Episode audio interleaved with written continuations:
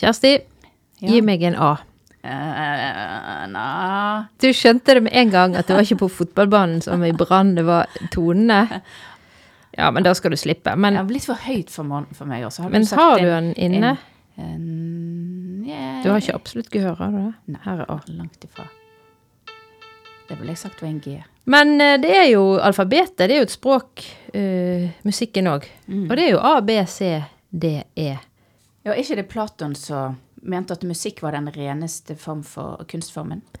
Jo, de hadde jo i hvert fall dette her med at det var harmoni og struktur i universet, og planetene hadde toner og sfærisk musikk, og alt som har med orden og symmetri og sånn å gjøre, likte de jo veldig godt, da.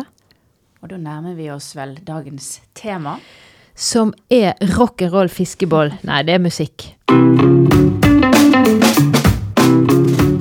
Hører på den litterære podkasten Det store i det små. Og vi er Kjersti Sandvik, journalist og forfatter. Og Grete Fatima Sayed, litteraturviter, forfatter og oversetter. Vi har fått støtte fra Litteraturhuset i Bergen, Bergen kommune. Kulturrådet og Fritt Ord. Den første boken jeg har med meg, er en roman som heter 'Enkle atonale stykker for barn'. Den er skrevet av Dag Johan Haugerud og fikk masse oppmerksomhet og priser, blant annet P2-lytternes. Romanprisen han kom i 2016. Og han her Haugerud er jo veldig kjent også for å lage film. Det var en som het Barn, jeg vet ikke om du har sett det, og så var det en som het eh, Lyset fra sjokoladefabrikken. Og i hvert fall i den siste var det også musikk. Det var hun pianisten Liv Glasser som spilte seg sjøl, faktisk. Det er jo ikke så vanlig. Dette er en eh, roman jeg likte veldig godt. Jeg hadde hatt den liggende lenge før jeg endelig åpnet den, og når jeg åpnet den, så var den noe helt annet enn jeg hadde trodd. Med mye musikk der. Er språket musikalsk? Det er ikke så enormt mye eh, som jeg kan se. Det er kanskje det, noe av det interessante med henne.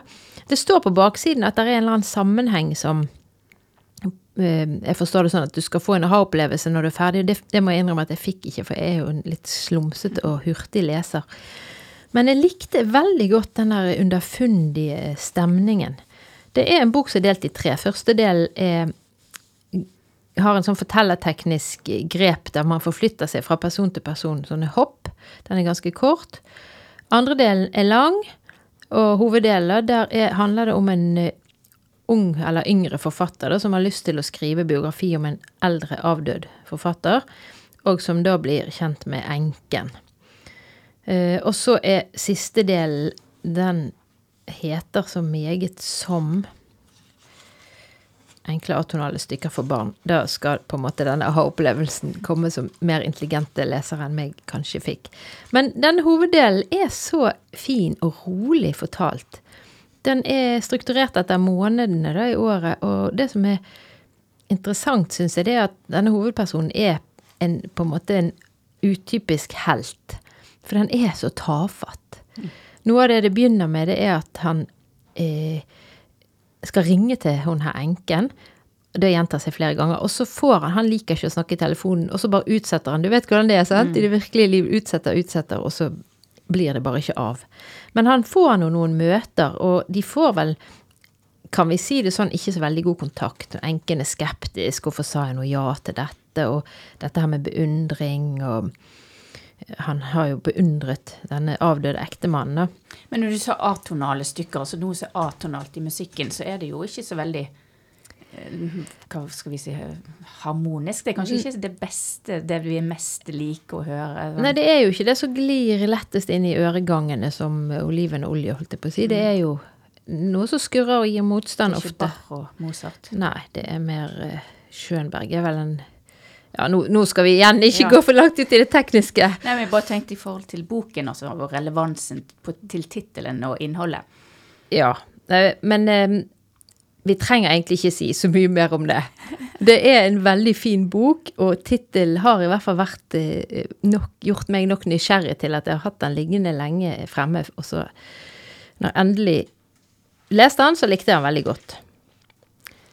Men eh, jeg har jo en bok skrevet om en musiker av en musiker. Og det er Astrid Kvalbein som har skrevet Leif Ove Ansnes i og med musikken. Og den valgte jeg fordi at jeg er jo en fan av Leif Ove Ansnes. Ja, så er du jo er litt lokalpatriot. Ja da. Ja da. Og, og, og det hun vil med denne boka, det er jo å finne ut hva er det som gjør at han er Blir det når han blir. Eh, eh, Det er godt skrevet. Det er ikke sånn kronologisk, så hun hopper litt, men, eh, men hun har liksom fått med mye av det viktige i livet hans. Og han er jo fullspekka med musikere på begge sider. Mor og far og farmor og farfar og mormor og hele alt, altså. Så, så han begynte tidlig å interessere seg for musikk. Men kan jeg bare spørre om noe? For du sa det, Jeg ble litt nysgjerrig når du sa den er ikke kronologisk. Veldig mange biografier er jo det. Tenker du da at der ligger noe sånn Skal det ligne på en eller annen musikksjanger, eller er det noe sånn musikalsk? Det kan i være at hun hadde det i, i bakhånd, ja. Ja, for det, det tenk, har jeg tenkt på flere ganger. Altså, Men også er det jo det at det, altså i det, livet hans Det er jo så mye å ta av. Um, ja, han har jo rimelig mange suksesser da, over Ja. hele verden. ja. Så det er ikke alt hun har med. Det det med, Men det begynner jo med når han liksom som eh, fireåring og bilde av han det her med tungen i, ut av munnen, full konsentrasjon og sitte og spille um, Ikke nå ned til, til gulvet engang. Og, og så fram til da eh, Hvor gammel han var da når denne boken kom ut. Men, men han er Han, han er ja, når jeg sa kronologisk, er ikke det liksom sånn at uh, 19... Nei, for jeg tenker, Men den heter biografi, sant? Ja. For jeg syns jo ofte biografier begynner med oldeforeldrene, og så er det det der fødsel og barneår og sånn. Det kan jo bli litt kjedelig. Men musikk Altså, musikk i litteratur kan jo finnes på flere måter, og i språket er jo det som er lettest å oppdage, sant? Altså i det I setningen, holdt jeg på å si, hvis det er mange repetisjoner og mange sånne klanger og sånn. Men eh, jeg tenkte i hvert fall det når jeg leste han Haugerud, at hvis jeg hadde hatt litt mer kunnskap om um, musikkhistorie, så hadde jeg kanskje sett at det var disponert som en symfoni eller et eller annet. Ja, det har jeg ikke sett her, da, men, eh, men det som jeg hang meg litt opp i, da, for dette, du vet noen av de forfatterne vi liker, der er det sånn at du de har, Det er noe med språket og kanskje rytmen eller hva det er, som gjør at du at de har en signatur. at Du vet med en gang at det er Ja, denne forfatteren jeg leser. Og, og, og kanskje de, altså, de grabber oppmerksomheten din helt fra første ord, kanskje, i denne boken. Og så sier han der Han hadde jo en, en um, Leif Ove Ansnes var jo bare 16 år da han kom inn på Griegakademiet her. Han var egentlig litt for ung, men de, men de kunne ikke eh, Men det var ikke mulig å stoppe en sånn begavelse, sa rektor eh, i forbindelse når han fikk begynne på konservatoriet. da. Eh, og så fikk han jo han der Jiri, eh, jeg vet ikke hvordan det uttales, Linka, som var en sånn legendarisk lærer på Krigakademiet. Eh, og han sa at eh, i et intervju i Bergens Tidende, så sa han etter åtte takter ser jeg hvor en ny elev befinner seg, hvor han skal og hva han trenger. Pianistisk, musikalsk og følelsesmessig. Men jeg kan selvsagt ikke si der og da om dette blir en ny Ansnes. Forresten var Ansnes heller ikke Ansnes da han begynte hos meg. Men det at Å ja, det er han som har gjort det mye han sa her. Men, åtte takter er ja. ganske lite, da. Det er ganske lite. Ja. Men også det, det jo sånn, han er jo et vidunderbarn. Men et vidunderbarn øver, altså. Det er ingenting som er gratis.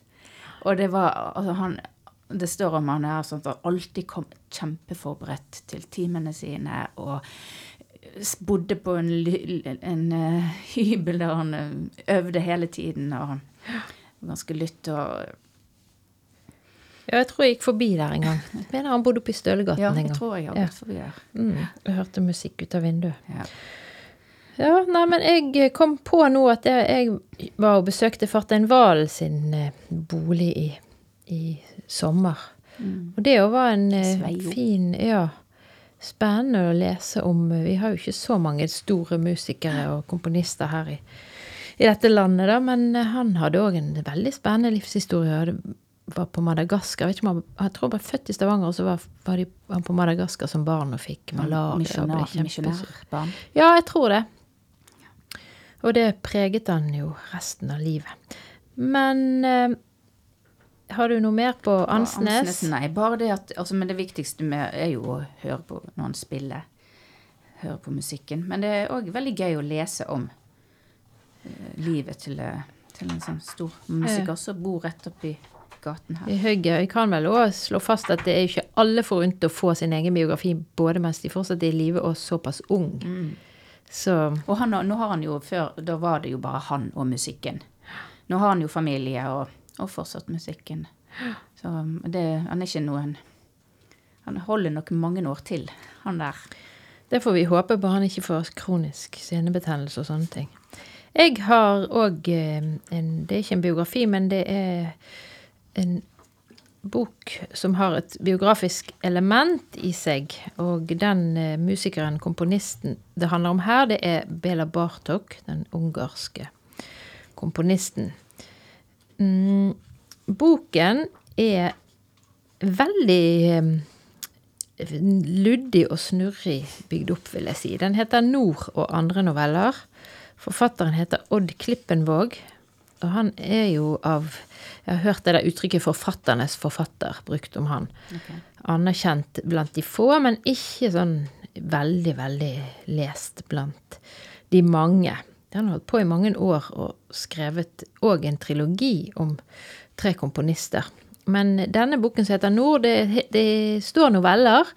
Men eh, det er eh, dokumentarisk, eller virkelige personer det handler om. da. Noen, de fleste kjente, og noen litt ukjente.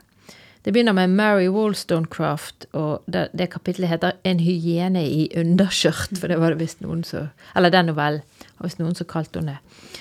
Og så er det Gustav Frøding, Helene Skjerfbekk osv. Eh, fellesnevneren er besøk i Norge. Så det er liksom Norge som det eksotiske her. Landet langt mot nord med midnattssol og alt vi vet. Eh, så det, det preger reiseskildring og sånn blikk utenfra på oss sjøl. Det, det liker vi jo Ja. alltid. Vi er jo alltid interessert i å se hvordan andre ser på oss, er vi ikke det? Absolutt. Ja. Eh, og blant annet Wittgenstein får her komme til ordet i jeg-person. Han holdt jo til i Skjolden, som mange vet. Men jeg har ikke sjekket hva eh, Klippenvåg har funnet på, og hva han har lest seg til, og hva de han eventuelt har lest av biografier, har, har funnet på. Ikke sånn, det, det har ikke bekymret meg, men jeg syns det er så fint. Og historien om eh, Vela Bartok, det er at han og konen er i eh, Svolvær i Lofoten. De er på eh, båt, seiler, ankommer. Det regner, og det er noen sånne helt alminnelige beskrivelser av De sitter i spisesalen, og eh, ja, de, de snakker sammen med ikke altfor god eh, kommunikasjon og kontakt. Det er noe resignert både over eh, karrieren til, til Bartok, men òg at han lengter mot noe annet eh, enn denne konen, da. En noe bedre verden. Og det er litt Kanskje òg litt likt den Dag-Jørn Haugerud sin bok, at de, de går, det går ikke sånn veldig dypt sånn hva er det egentlig som driver oss, hva er det som motiverer oss, hva er vår innerste kjerne, hvorfor er vi sånn som vi er, og bla, bla, bla. Men det er mer Ja, de, vi trives med, og det regner, han går tur. øh, det, det bare liksom ebber ut, på en måte. Det, han mangler noe, men det blir ikke sagt eh, så mye om hva. Så jeg tenkte kanskje jeg skulle lese slutten, da. Og det er Bartok, da, som er på, på dette hotellrommet. Da han tidlig om morgenen dagen etter står framfor speilet, synes han de brune øynene stirrer så bedrøvelig. Du er en turist, tenker han. Ingenting annet enn en turist. Så setter han seg foran skrivebordet, og fordi Martha fremdeles sover, skriver han på de to postkortene med motiv fra Raftsundet han har hatt liggende. Til Dimitri Kiriak i Bucuresti skriver han. Vi er nå kommet lenger og lenger mot nord. Polarsirkelen har vi allerede passert. Om noen dager er vi framme på Nordkapp. Til Janos Busitia i Belenyesre i Ungarn skriver han. Lofoten den 12. juli 1912. Jeg sender en hilsen fra et av høydepunktene på min reise. prikk, prikk, prikk. Så det, det, Sånn slutter han. ja, det ebber ut, og det er jo veldig tvetydig dette med høy Altså, det å skrive kort er vel ofte litt Noe man sånn må gjøre. Ja, og så kan man jo legge til litt, men samtidig kan det være det var et høydepunkt inni der. Så Nei, men den hørtes ut som en fin samling. veldig, veldig fin, syns jeg. Ja. Mye sånn usagt og Ja, det er plass for å reflektere og fundere litt sjøl.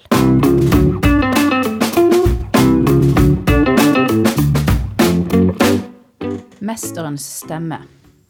Etter å ha hørt på Mozart, noe jeg ofte gjorde, ba jeg alltid på et piano, opp og ned Mount Beldy. Og jeg mener ikke et keyboard, jeg mener et flygel, laget av sement. Og nå som jeg er døende, angrer jeg ikke et eneste skritt. Hvem var det, Grete? Av sement. Her er svaret. Jeg ser jo at det var Leonard Cohen, men det er jo ikke det han er mest kjent for. Nei da, men um, han har skrevet utrolig mye. Denne her eh, er fra eh, Cohens 'Lengselens bok'. Og akkurat dette diktet er det Pedro Carmona Alvarez som har oversatt. Og det er mange andre norske forfattere som har oversatt mange av de diktene her. Og en utrolig fin bok med illustrasjoner, så- så jeg går ut ifra er Cohen sine egne. Det sto det ingenting om.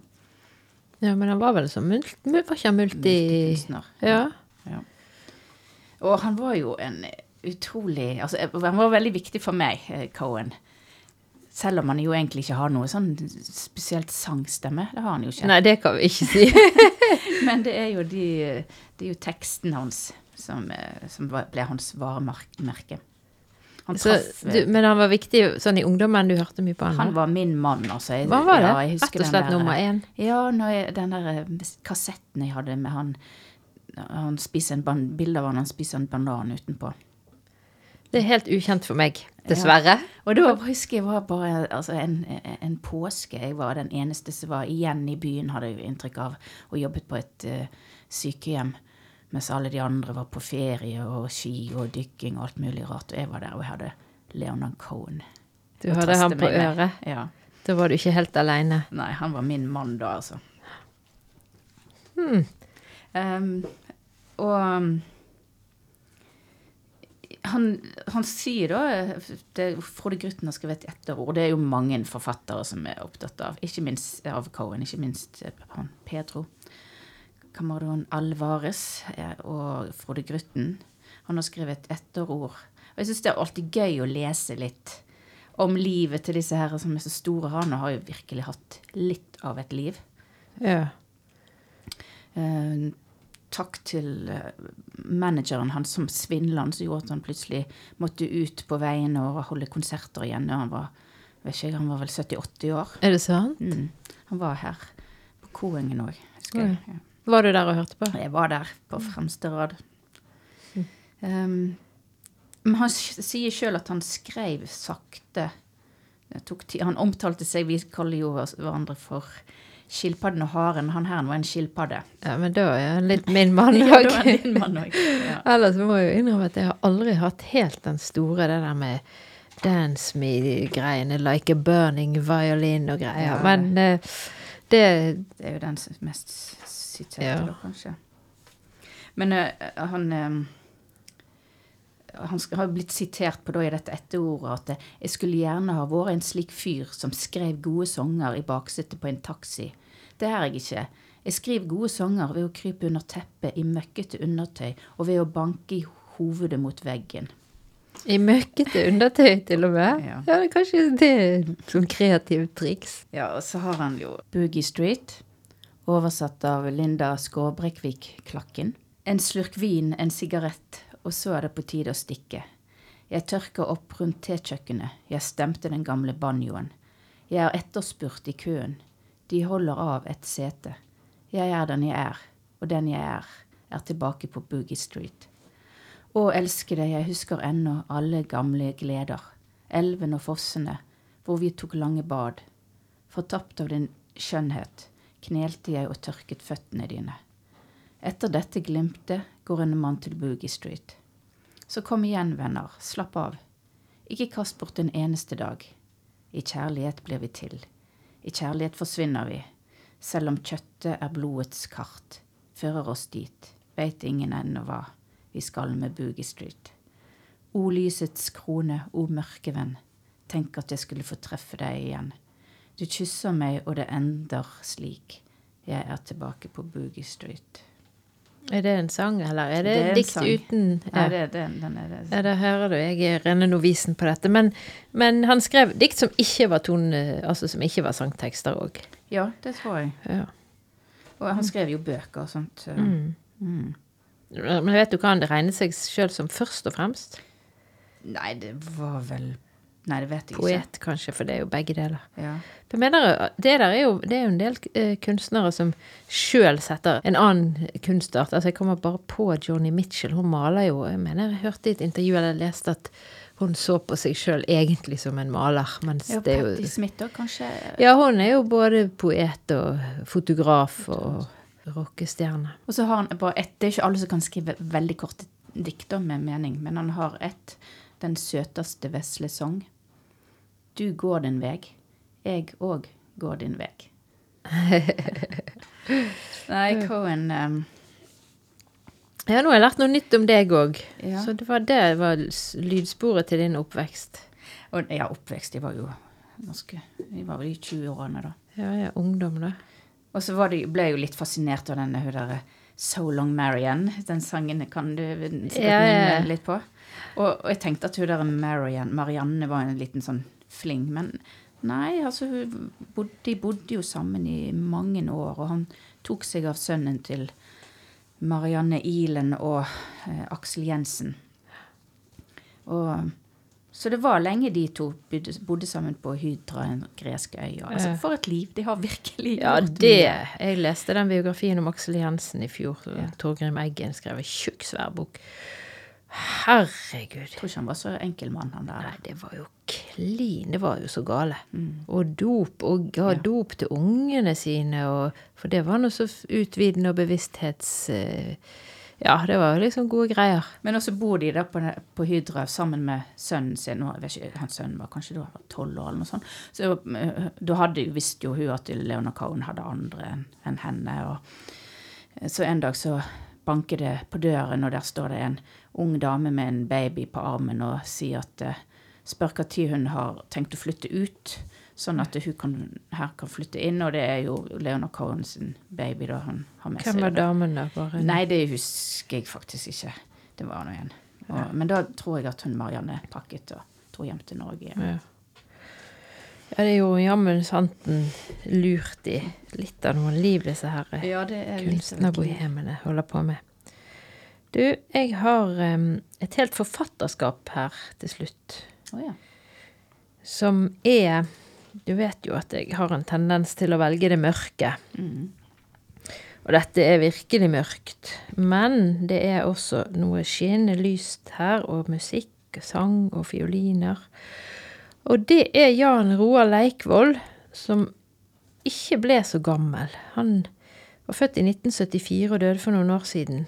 Han hadde levd med en sånn svulst på hjernen i mange år, helt fra han var barn eller ungdom. Men det han rakk å skrive, ligner jo ikke på noen ting annet i norsk litteratur. Han debuterte med Eit vintereventyr i 2008, og så kom Fiolinene i 2010, og Bovara og eh, disse posthume utgivelsene. Eh, så han var produktiv mens han holdt på.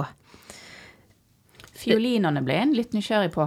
Ja, altså du må egentlig lese alle, for de er, det er bare så godt. Og du snakker om musikalitet i språk. Her er det noen ganger er det nesten sånne gamle norrøne formuleringer og ordstillinger, og, og det synger og det glinser. Sant? Det er det her er spennet mellom det veldig, veldig mørke. Det er noe fremtidsdystopiaktig, kanskje etter eh, noe apokalypser. Der er så mye boss og drit og jord og ekle begjær. Og eh, noe som ligner på leir eller fengsel, konsentrasjonsleir, kloster. Altså Overalt er det strenge regler, og det er så trangt, det er så ufritt.